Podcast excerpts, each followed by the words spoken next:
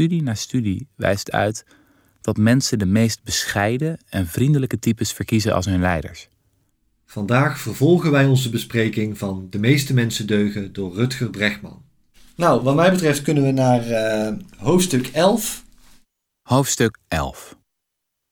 Hoe macht corrumpeert.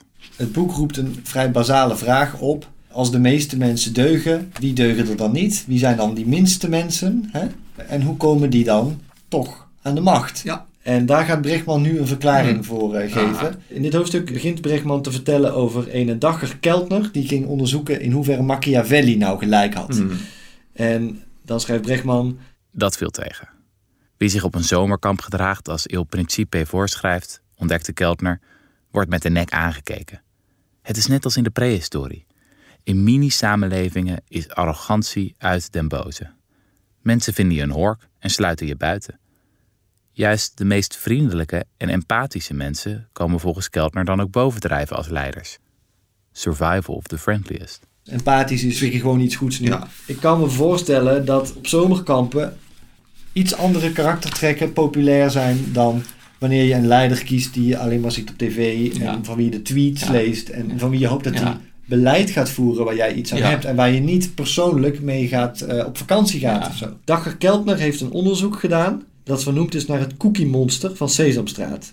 Keltner deed ook onderzoek naar het effect van macht als je het eenmaal hebt.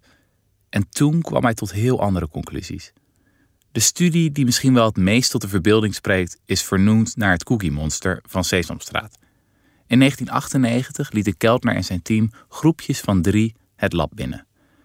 Een van de deelnemers werd geloot tot leider, waarna het groepje aan de slag ging met een saaie opdracht. Toen kwam het. Terwijl ze werkten, kregen de deelnemers een schaal met vijf koekjes voorgezet. Iedere groep liet één koekje liggen, een ijzeren wet van fatsoen, maar het vierde koekje was na afloop meestal in de mond van de leider verdwenen. En dat was nog niet alles. Een promovendus van Keltner merkte op dat de leiders ook smeriger leken te eten. Na een videoanalyse bleek dat de koekiemonsters inderdaad vaker met hun mond open aten, luider smakten en meer kruimels op hun trui lieten vallen. Interessant hieraan vind ik dat het echt om causatie gaat, want de leiders werden willekeurig gekozen. Als je dan iedere keer ziet dat die willekeurig gekozen leiders de koekiemonsters zijn, dan heb je een causatie. Kun je aannemen. Maar het onderzoek is kwijt. We kunnen het niet Oh. inzien. Alles wat we hebben is de herinnering van Dagger Keltner zelf, die het navertelt. En één grafiekje waaruit blijkt dat het leiderschapseffect alleen maar werkte bij vrouwen. Of ze nou de leider waren of niet, de mannen aten evenveel koekjes. De vrouwen gingen meer koekjes eten Oh. als ze de leiding kregen. Wat dat ook wil zeggen. Ik wil daar verder geen seksistische of niet seksistische conclusie uit trekken, maar dat staat in dat grafiekje. En het grafiekje is het enige dat we hebben. Nou ja, mijn vrouw houdt wel veel van koekjes. eh, maar, ik, maar dat het onderzoek kwijt is, dat is een vaststelling van Ja. jou. Dat Eh, vertelt Bregman er niet bij. Nee, dat vertelt hij er niet bij. Ja. Nee, hij beschrijft het gewoon als een, een onderzoek alsof je het zo zou kunnen inzien. Ja. Het doet mij trouwens een beetje denken aan die Nederlandse hoogleraar Diederik Stapel. Ik weet niet of je dat nog kan herinneren. Ja. Dat Een Nederlandse hoogleraar die diep gevallen is, want die had allerlei onderzoek niet uitgevoerd, maar Ja. gewoon eh, wel beschreven. En dat was eh, psychologisch onderzoek, waarbij hij zogenaamd dan door schoolkinderen al, allemaal dingen met snoepjes eh, liet doen. Maar op een gegeven moment is uitgekomen dat hij helemaal niet naar die scholen is gegaan. En hij ging dan wel op weg van de universiteit naar die scholen met die snoepjes. Maar die had hij dan ehm, zelf maar op, want hij kon natuurlijk niet met die snoepjes thuis. Nou, misschien dat Ja. in dit geval van jou, eh, Casper, Ja. eh, dat eh, die onderzoeker gewoon die koekjes ook zelf allemaal heeft. Hij is zelf het koekiemonster. Ik wil dat de correspondent dit uitspreekt. Ja, inderdaad. Maar het valt dus op hoeveel vertrouwen Brechtman heeft in dit onderzoek dat kwijt is. Ja, Terwijl hij zo zijn best heeft gedaan om de onderzoeken van Milgram en Zimbardo Zimbardo. onderuit te halen. Ja. Dat zegt wel iets, denk ik. ja. Dan is er nog een onderzoek van die Dagger Keltner. Het team van Keltner onderzocht bijvoorbeeld ook het psychologische effect van een dure auto. De eerste proefpersonen reden in een krakkemikkige Mitsubishi of Ford Pinto naar een zebrapad waar een voetganger net wilde oversteken. Ze gaven allemaal netjes voorrang. Maar toen werden de deelnemers in een dure Mercedes gezet. En ja hoor, liefst 45% van de chauffeurs reed door. Hoe duurder de auto, hoe lomper het rijgedrag. Dit onderzoek geeft hij helemaal verkeerd weer. De mensen zijn niet in een auto gezet, De onderzoekers zijn bij een kruispunt gaan staan en hebben het gedrag van automobilisten geobserveerd. Aha, dat is wel iets principieel heel anders Ja. natuurlijk. Dus hier kan het weer heel goed een correlatie Ja. zijn geweest en niet een Ja. causatie.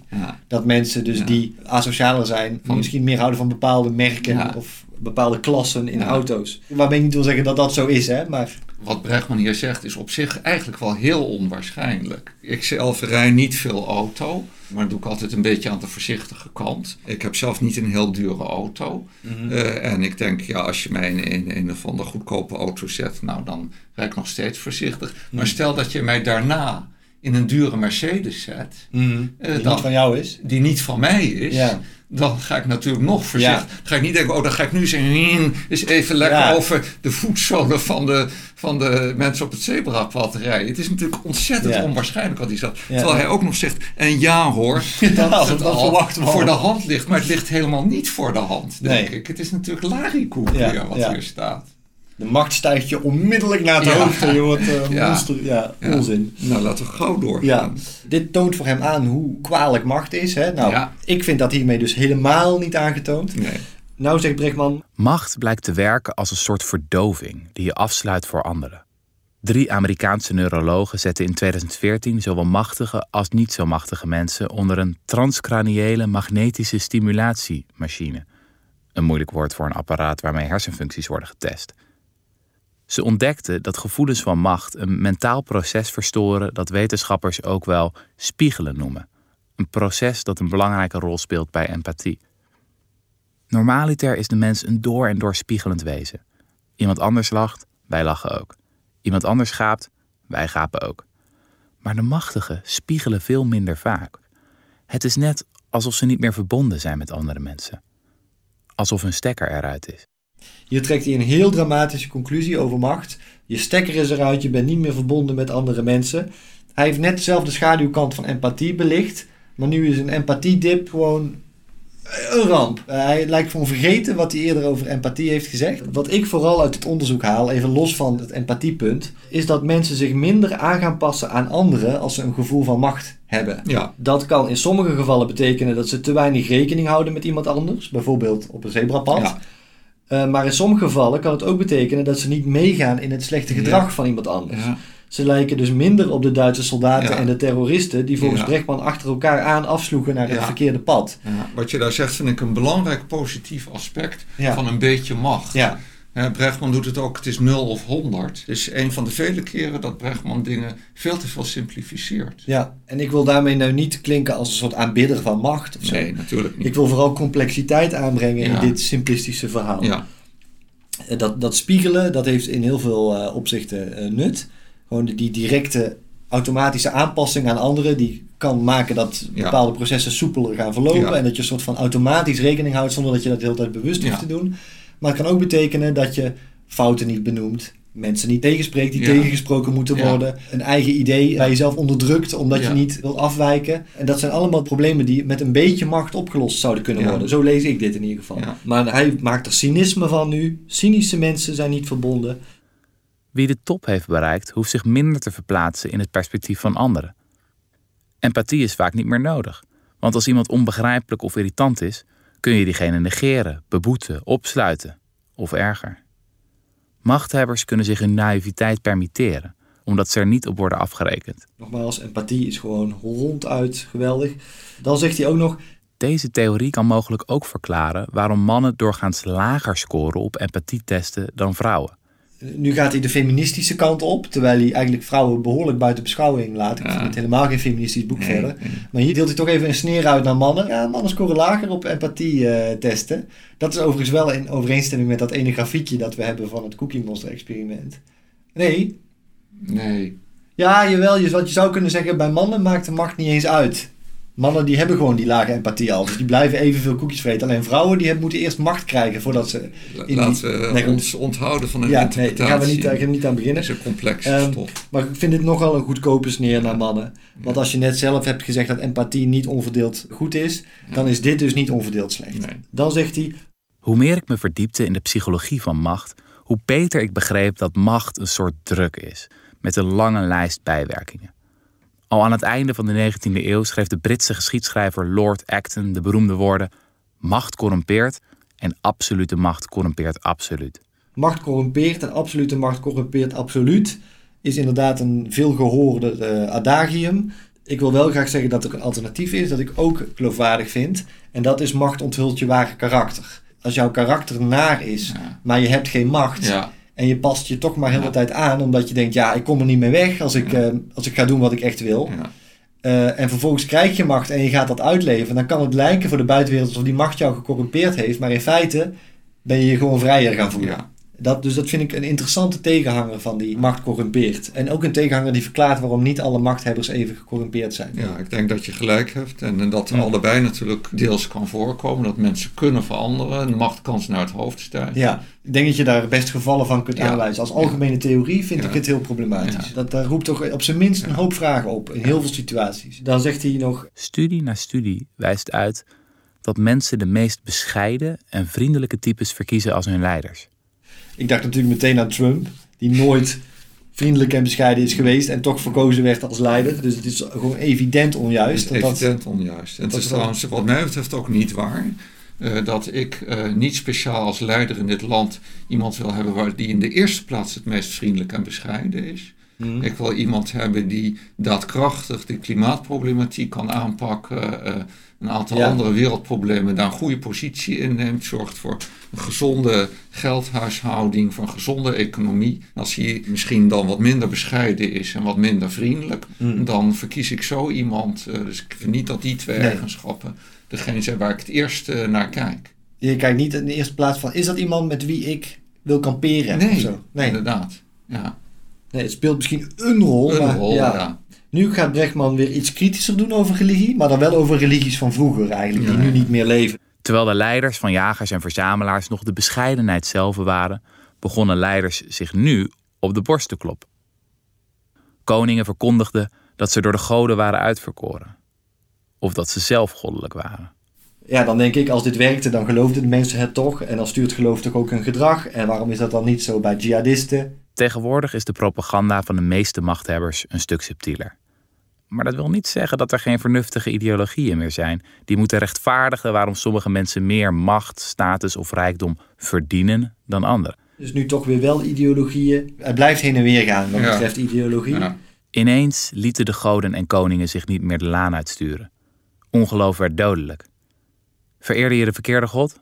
Dan kon je maar beter voor je houden. Waarom dan stellen dat jihadisten uit kameraadschap handelen en religie een afterthought is? Want hier erken je eigenlijk dat die religies heel dwingend en, en dodelijk waren. Ja. Nu komt er een belangrijk stukje. Je zou misschien denken dat geweld tegenwoordig niet meer zo'n rol speelt. Vooral in brave democratieën met saaie procedures. Maar vergis je niet, de dreiging van geweld is nog altijd aanwezig. Overal. Het is de reden waarom gezinnen met kinderen uit hun huis kunnen worden getrapt als ze hun schulden niet afbetalen. Het is de reden waarom immigranten niet kunnen binnenwandelen in de fictie die we Europa of de Verenigde Staten noemen. En het is ook de reden dat we in geld blijven geloven. En dan beschrijft hij geld ook als een fictie. En dan zegt hij, De fictie van geld wordt afgedwongen met geweld. Ik vind deze passage absolute borrelpraat. Vind dat Brechtman zich ook helemaal vertilt aan moeilijke onderwerpen waar je eh, heel eh, diep op in zou kunnen gaan als je er veel van weet. Geld is geen fictie. Eh, geld is een abstract begrip, maar Ja. je kan niet van alle abstracte begrippen zeggen dat die fictie zijn. Ja. En mensenrecht is ook een abstract begrip. ja, Maar ik hoop wel dat als een politieagent mij ten onrechte arresteert, dat ik me op mijn rechten kan beroepen en dat die dus gegeven moment trouwens ook concrete gevolgen hebben. ja, Brechtman formuleert het zo eh, met een afkeurende toon, alsof hij hier iets aan de kaak stelt. Hij zegt, de fictie van geld wordt afgedwongen met geweld. Het is geen fictie, geld, maar Ja. dat het rollen van geld, dat dat afgedwongen kan worden met geweld. En wat een staat is, eh, dat is maar goed ook. Mhm. Eh, want wij willen wel allemaal verzekerd ervan zijn dat wat wij als individuen doen in een samenleving, eh, dat dat geborgd wordt door een rechtssysteem Mhm.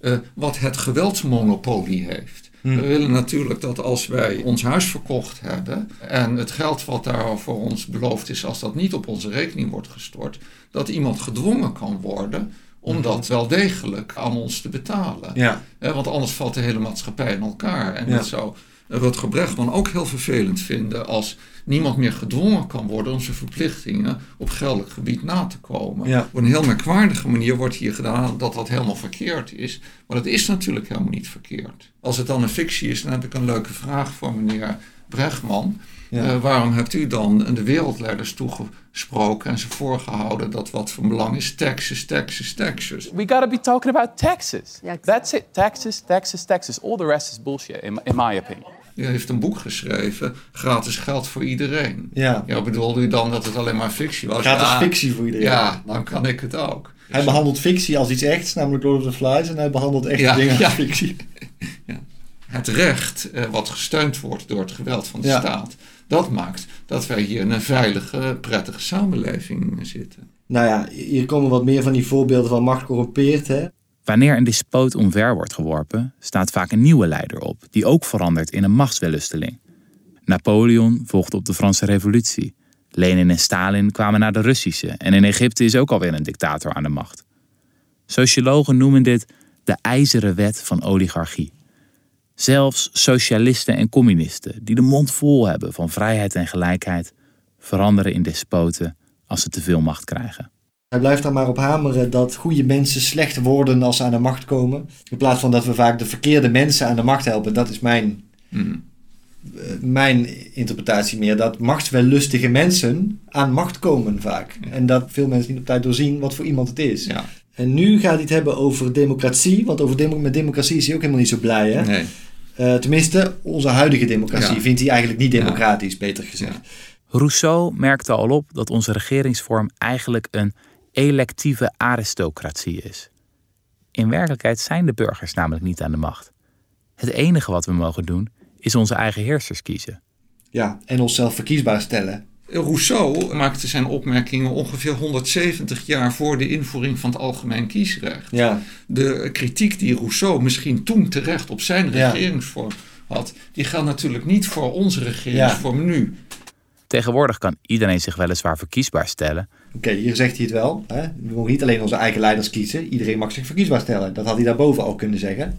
maar in de praktijk is het lastig om verkiezingen te winnen als je geen toegang hebt tot een aristocratisch netwerk van donoren en lobbyisten. De Amerikaanse democratie vertoont niet toevallig dynastieke trekjes. Denk aan de Kennedys, de Bushes en de Clintons.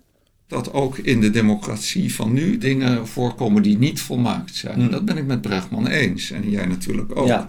Als hij zegt de Kennedys en Bushes en Clintons, daar kunnen dingen verbeterd worden. Maar dat betekent niet dat het helemaal waardeloos is. Ja. En trouwens, daar is ook Obama aan de macht gekomen die niet eh, uit zo'n dynastie kwam. Eh, dus eh, Ja. het kan soms beter uitpakken, het kan, kan, kan soms slechter zijn, maar hij Ja. schildert het veel te negatief af. Iedere keer hopen we op betere leiders, maar die stellen vaak teleur. Professor Keltner legt uit waarom. Macht kan ervoor zorgen dat machthebbers hun vriendelijkheid en bescheidenheid verliezen, kwaliteiten op basis waarvan ze juist werden verkozen. En in sommige gevallen waren die goede kwaliteiten überhaupt niet aanwezig. Dat zegt hij nou wel eerlijk. Maar daar mag je van mij meer aandacht aan besteden. Ja. Aan gevallen waarin die helemaal Ja. niet aanwezig waren. Ja. Zoals Trump. Want bedenk, in een hiërarchisch ingerichte samenleving zijn de Machiavellisten in het voordeel. Frans de Waal zou denk ik zeggen, ja, dat komt omdat we een hiërarchisch denkende soort zijn. Dus ook wanneer we een democratische rechtsstaat hebben, dan gaan we toch nog wel leiders kiezen. Dat zit ook in onze natuur. Ja, Om niet volledig egalitair te zijn. ja. Ze hebben een ultieme troef, een eigenschap waarmee ze hun concurrentie steeds weer aftroeven. Ze zijn schaamteloos. Zolang je leiders hebt, heb je eigenlijk Ja, tirannie. Daar lijkt het op neer. tiran- Dus Zolang je een leider hebt, heb je tirannie. Want die macht corrumpeert. Leiders zijn schaamteloos omdat ze die empathie niet meer voelen. Omdat ze ontkoppeld zijn. Ik vind dat Bergman heel kinderlijk over machthebbers spreekt. Net alsof of je die allemaal over één kam kan scheren. Ja. Alsof Wim Kok te vergelijken is met Attila de Hun. Ja. Hè? Ja. En, en Merkel in dezelfde categorie valt als een Noord-Koreaanse dictator. Ja. Dat is zo ongenuanceerd. Daar kunnen we echt niks mee.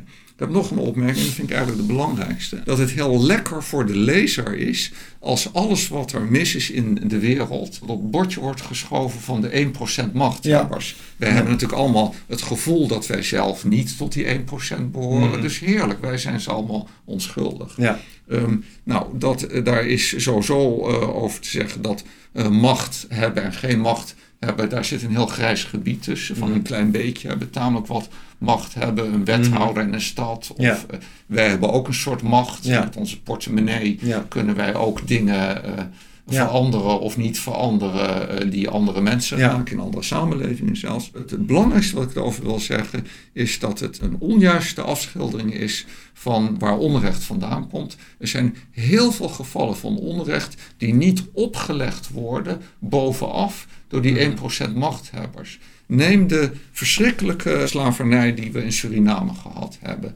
Waar ontzettend rottige en gemene straffen werden uitgedeeld aan mensen op grond van meestal vermeende vergrijpen. Eh, mhm. Dat gebeurde heel ver weg van de Nederlandse macht. Dat was heel vaak op het eigen initiatief van planters en handelaren en andere mm. middenklasse. Hetzelfde geldt voor ook Sumatra en Nederlands-Indië en andere delen van Nederlands-Indië in ver afgelegen gebieden. Mensen die op een verschrikkelijke manier behandeld werden. Dat kwam helemaal niet van de machtshebbers vandaan. In de huidige wereld geldt het ook. Denk aan Qatar, eh, waar eh, eigenlijk 350.000 eigen inwoners zijn. Er zijn ongeveer 2 miljoen gastarbeiders. Eh, mhm. die worden door die inwoners van Qatar heel hardvochtig behandeld. Mhm. Dat wordt ze niet opgelegd door, door de sheik of degene die daar de baas is. En dat gebeurt gewoon binnen huishoudens. Dat daar mensen worden afgebeuld, en mishandeld worden. Uh, neem de heksenjachten na de middeleeuwen, die hebben plaatsgevonden. Het gevolg van een soort collectieve waanzin in grote delen van Europa werd helemaal niet opgelegd van bovenaf. Dus dat geruststellende idee, de machthebbers, dat zijn degenen waar het kwaad vandaan komt, is pertinent onjuist. En nu gaat hij heel positief doen over schaamte, terwijl ik schaamte een veel minder positief iets vind dan empathie. Schaamte is effectiever dan wetten en regels, censuur en geweld. Mensen die zich schamen, reguleren zichzelf. Ze stotteren en blozen als er over ze wordt geroddeld of als ze niet voldoen aan de verwachtingen van hun medemens. Natuurlijk, Schaamte heeft ook donkere kanten. Denk aan de schaamte die armoede met zich mee kan brengen.